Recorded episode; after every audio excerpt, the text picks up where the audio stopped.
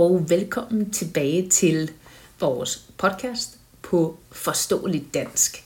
Mit navn er Christina, og i dag skal vi snakke om lykke, som typisk er noget, som danskerne for det første er rigtig gode til, men også noget, som der bliver snakket meget om i Danmark. I dag vil jeg læse jer endnu en artikel fra Christian Ståls blog, som I nok ved, så synes jeg, at hans blog er rigtig god. Artiklen i dag hedder Velkommen til verdens tredje lykkeligste land. Altså velkommen til verdens tredje lykkeligste land. Christian starter med et citat af Peter Drucker, tror jeg, som siger, What gets measured gets managed. Og det betyder, øh, hvad der bliver målt, bliver managed. Man kan godt sige ordet manage på dansk. Det betyder det samme som på engelsk. Og så er der et fint billede fra Københavns Lufthavn af en reklame fra Carlsberg. Og der står på reklamen, Welcome to the world's happiest nation. That calls for a Carlsberg. Så velkommen til verdens lykkeligste nation. Øh, du har brug for en Carlsberg, eller det er rimeligt at drikke en Carlsberg nu. Carlsberg er en dansk øl. Christian skriver så, i Københavns Lufthavn byder en Carlsberg-reklame velkommen til verdens lykkeligste land. Columbia University's World Happiness Report udkom i uge 17, 17 og Danmark er nu på tredjepladsen. Hvad skal Carlsberg så gøre? Jamen, de skal byde velkommen til verdens tredje lykkeligste land. Det er spørgsmålet. Christian fortsætter. Lykke fylder mere i vores bevidsthed end nogensinde før. Det er en god ting, fordi det tvinger politikere til at tage højde for, hvordan forskellige beslutninger påvirker vores lykke. Som Peter Drucker sagde, det vi måler bliver prioriteret eller managed. Igen, what gets measured gets managed. Problemet med mediernes skildring af lykkerapporten er, at de bruger for meget energi på at sammenligne os med andre lande. Jeg synes, det er ligegyldigt, om vi er nummer 1, 3 eller 8 i verden. Det er en spildt mulighed kun at fokusere på, at vi har vundet over Norge og tabt til Schweiz. Det, det er vigtigere at forstå, hvad der skaber lykke, men her sker der misforståelser. Christian fortsætter. Mange af de ting, som vi forventer vil gøre os glade, har ingen betydning, og vi overser de ting, der faktisk gør os glade. Den første fejl, vi begår, er, at vi overvurderer, hvor stor indflydelse forskellige begivenheder har på vores lykke. På torsdag skal danskerne til folketingsvalg. Så her vil jeg lige skynde mig at sige, at det her er en gammel artikel, øh, så der er faktisk ikke folketingsvalg på torsdag. Men det var der åbenbart, da Christian skrev artiklen, eller bloggen. Han skrev, på torsdag skal danskerne til folketingsvalg. Hvor glad bliver du, hvis det går, som du håber? Og hvor trist bliver du, hvis det modsatte sker? Hvis du tror, at du bliver glad, hvis det går godt, og trist, hvis det går dårligt, er du som de fleste forsøgspersoner i et eksperiment fra år 2000. Den 7. november i år 2000 skulle Amerika afgøre, afgøre om Al Gore eller George W. Bush skulle være præsident. Det stod klart, at optællingen, optællingen ville tage lang tid. Den 8. november gik et hold forskere ud og spurgte vælgerne, hvor glad bliver du, hvis din kandidat vinder, og hvor trist bliver du, hvis han taber? Republikanerne forudså, at de ville blive triste, hvis Gore vandt, Gore var demokrat, og lykkelige, hvis Bush, som var republikaner, vandt. Demokraterne mente, at de ville blive lykkelige, hvis Gore, altså demokraten, vandt, og triste, hvis Bush vandt. Den 14. 14. december, da Bush havde vundet, spurgte forskerne igen vælgerne, hvor glad er du? Republikanerne var gladest, men forskellen var mindre, end man skulle tro. Republikanerne var ikke så lykkelige, som de havde forventet, og demokraterne var ikke så triste, som de havde frygtet. Eksperimentet viser en menneskelig tendens, nemlig at vi undervurderer stabiliteten af vores lykkeniveau. Det betyder, at vores lykke er mindre påvirkelig, end de fleste tror. I en undersøgelse fra 1978, igen 1978, fulgte Philip Brickman og to andre forskere 29 patienter, som havde været ude for en paralyserende ulykke. Altså de var blevet lammet, paralyseret. Det er det samme at blive lammet og blive paralyseret. Som forventet var patienterne ulykkelige, men efter et par år var de næsten lige så glade som før ulykken. Forskerne undersøgte desuden 22, 22 lotto-vindere. Lotto er et spil, øh, hvor man kan vinde penge, hvis man vælger de rigtige numre. Okay, man kan vinde millioner i lotto. Så forskerne undersøgte desuden 22 lotto-vindere. Først var lotto-vinderne ekstatiske, altså rigtig glade. Men efter et par år var de omtrent lige så lykkelige, som de havde været før de vandt. Sonja Lubomirski er en førende forsker inden for det, der hedder positiv psykologi. Og hun mener, at vores gener er den største faktor for, hvor lykkelige vi er.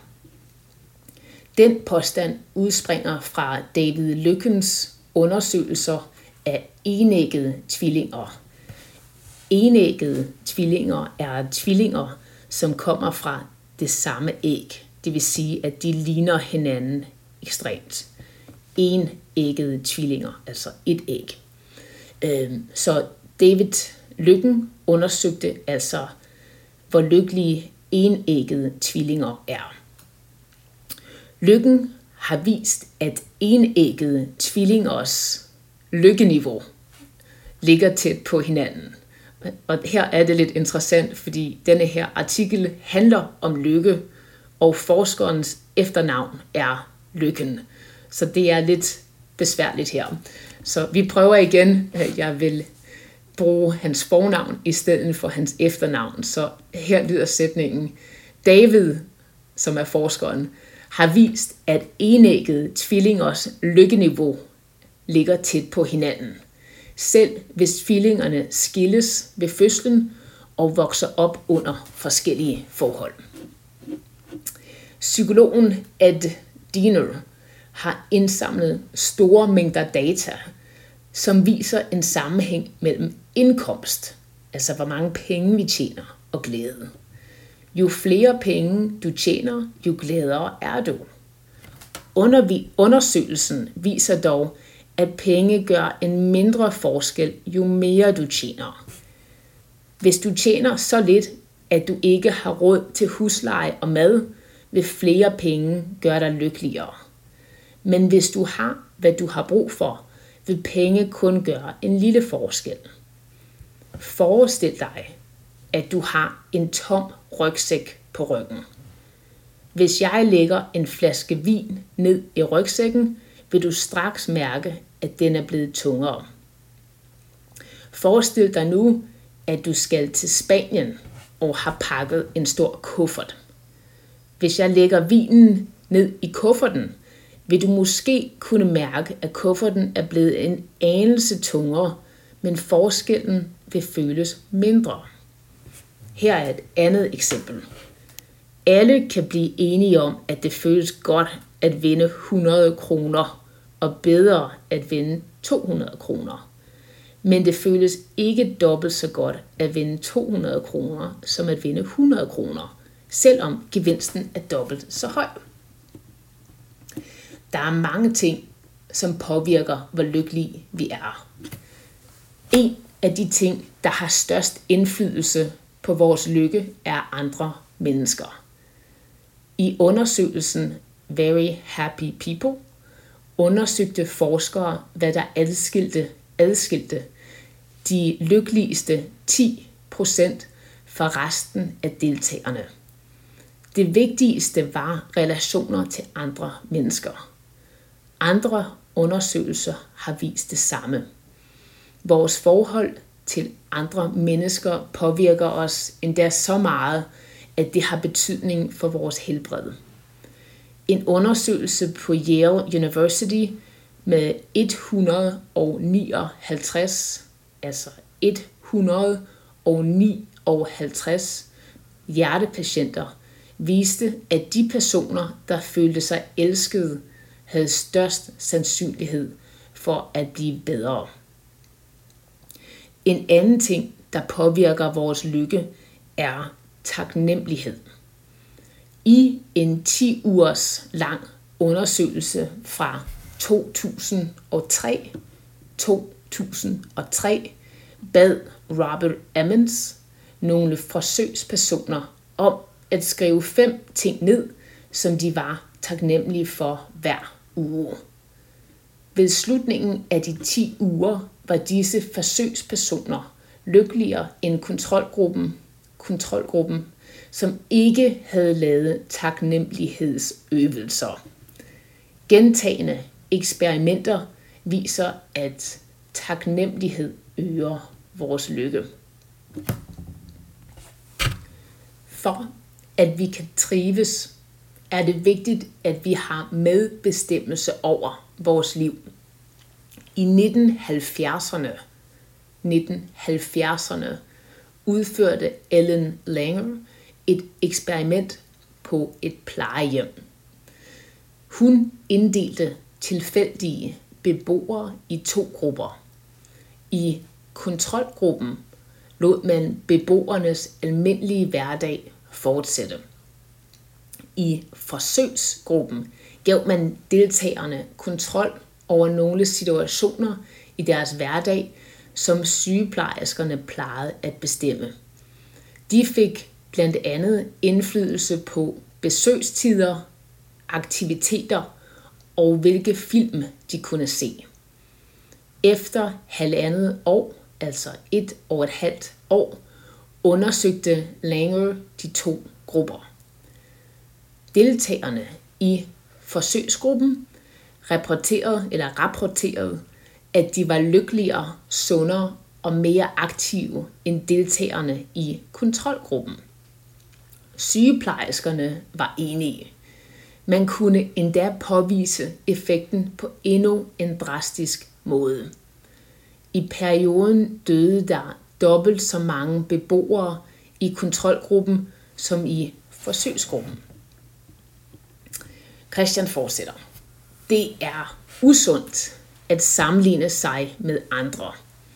I en undersøgelse startede Sonja Lyubomirsky med at måle, hvor glade en gruppe forsøgspersoner var. Derefter gav hun hver forsøgsperson en opgave. Deltagerne arbejdede side om side med en skuespiller, der foregav også at være forsøgsperson. I nogle tilfælde løste skuespilleren opgaven hurtigere end forsøgs, forsøgspersonen. Andre gange var skuespilleren langsommere. Lubomirski fandt et interessant mønster. Glade forsøgspersoner var upåvirket af, hvorvidt skuespilleren ved siden af dem havde været hurtigere eller langsommere end dem selv. De vurderede deres præstation ud fra, hvordan de selv mente, at de havde klaret sig. Negative forsøgspersoner var stærkt påvirket af skuespillerens præstation. Hvis skuespilleren havde været langsom, mente de, at de selv var dygtige. Hvis skuespilleren var hurtig, var de utilfredse med deres egen præstation. Resultatet er gentaget i andre eksperimenter. Da eksperimenter som ovenstående viser, at sammenligning er usundt, er det ironisk, at vi bruger energi på, hvorvidt vi er gladere end svejserne eller ej. Det er en god ting at se på, hvilke lande, der har den gladeste befolkning, men det er vigtigt at gøre det af de rigtige grunde. At prale med en høj placering eller at ærge sig over den tabte førsteplads er en dårlig grund. En bedre grund er at gøre det for at finde ud af, hvordan vi kan gøre os selv og verden omkring os lykkeligere. Det var så slutningen på Christians artikel om lykke, som igen er noget, der bliver talt rigtig meget om i Danmark, rigtig tit, synes jeg. Øh, den gode nyhed er så, at danskerne ofte er rigtig lygtige, og det, det er selvfølgelig godt. Måske er det endda derfor, at du studerer dansk, fordi du synes, det er interessant. Nå, jeg vil slutte her. Som altid er I meget velkomne til at skrive en e-mail til mig. Min e-mail er danishwithchristina at gmail.com eller snabelag gmail.com. Igen, I er meget velkomne til at skrive til mig. Jeg håber, I får en rigtig god uge. Vi snakkes ved. Hej hej.